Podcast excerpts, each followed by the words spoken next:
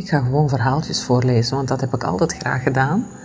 En mensen werden daar blij van en ontspannen daarvan. Want in ieder van ons zit het kind nog steeds. En de meeste van ons werden graag voorgelezen. Dus dacht ik, ik ga weer verhaaltjes voorlezen van Toon Tellegen. De eekhoorn kon niet slapen. Hij liep van zijn deur om zijn tafel heen naar zijn kast, bleef daar even staan, aarzelde of hij de kast zou opendoen, deed hem niet open, liep langs de andere kant van de tafel naar de deur en begon opnieuw. Misschien loop ik zo wel door tot het ochtend wordt, dacht hij. Want erg moe of slaperig werd hij niet. Maar plotseling hoorde hij stemmen buiten in het donker. Hij kende die stemmen niet. Hij hield zijn oor tegen de muur. Hij kon de stemmen bijna verstaan. Ze hadden het over hem.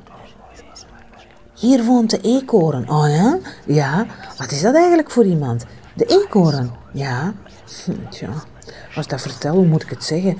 Hij is heel erg... Wat? Had de eekhoorn willen roepen. Maar hij hield zich nog net op tijd in. Zei de ene stem. Ja, zei de ander. Ah, wat vind ik dat interessant. Is hij dat altijd? Bijna altijd. En als hij dat niet is, ah, dan is hij. Dat geloof ik niet. Het is echt waar. Ach, de eekhoorn wilde zijn hoofd en zijn oor wel door de muur heen duwen. Hij kon net niet verstaan wat hij bijna altijd was en wat een enkele keer. Ik vind dat ongelooflijk, zei de ene stem. Maar dat is het ook, zei de ander. En hij woont hier. Ja? Even was het stil. Ja, schud je hoofd maar, zei de een. Ach, ach, zei de ander. De eekhoorn viel nu bijna om. De tranen sprongen in zijn ogen. Waarom spraken ze ook niet duidelijker? En wie waren ze eigenlijk? Wat deden ze daar midden in de nacht? Toen hoorde hij de stemmen wegsterven. hoorde hij nog en en toen niets meer. Hij ging op bed liggen, op zijn rug, en keek naar zijn plafond. Lange tijd dacht hij na over wat hij was. Ik ben nu in elk geval heel verdrietig, dacht hij. Als ik nu met mezelf over mezelf zou praten, zou ik zeggen: Ik vind de eekhoorn heel verdrietig. Ja, zou ik antwoorden. Ik ook. Plotseling schoot hij overeind. Dat is waar ook, dacht hij. Hij sprong uit zijn bed, liep naar zijn kast, trok een la open. Daarin lag een klein briefje met kleine kribbelige lettertjes geschreven dat hij lang geleden eens onder zijn deur had gevonden. Beste eekhoorn, ik vind jou heel bijzonder, heel, heel bijzonder. Er stond geen naam onder. Onder de laatste zin was het briefje afgescheurd. De eekhoorn had er lang over nagedacht wie dat briefje aan hem gestuurd kon hebben, maar hij was daar nooit achter gekomen.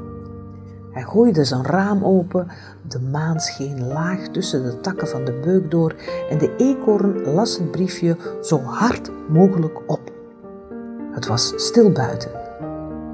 Een paar sterren flonkerden. Misschien horen ze me nog, dacht hij, en zeggen ze tegen elkaar: Ja, dat is waar. Hij is altijd heel, heel bijzonder. Toen deed hij het raam dicht en stapte weer in bed. Geachte eekhoorn, ik vernam onlangs langs schriftelijke weg dat u niet kunt slapen. Dat is zeer onaangenaam, dat weet ik. Persoonlijk schrijf ik mezelf altijd in slaap. Misschien dat u dat ook eens kunt proberen, verre pennenvriend. Zo mag ik u toch wel noemen. Zo niet, dan bied ik u mijn excuses aan voor deze schriftelijke vrijmoedigheid. Ik leid trouwens aan talrijke schriftelijke kwalen en hebbelijkheden, maar daarover schrijf ik u later eens uitvoeriger als u mij toestaat. Ik schrijf in het algemeen het volgende. Ach ja, ik schrijf maar wat, laat ik maar wat schrijven. Ik schrijf maar raak. Hoe schrijf ik ook alweer? Laat ik maar door. Ik bedoel, ik schrijf maar door. Schrijf zomaar zachtjes altijd maar door. Schrijf ik zomaar zo, zomaar. Meer stond er niet in de brief die de eekhoorn op een avond kreeg. Hij maakte hem open en begon te lezen. Maar voor hij hem uit had, sliep hij al, met de brief onder zijn hoofd op de tafel.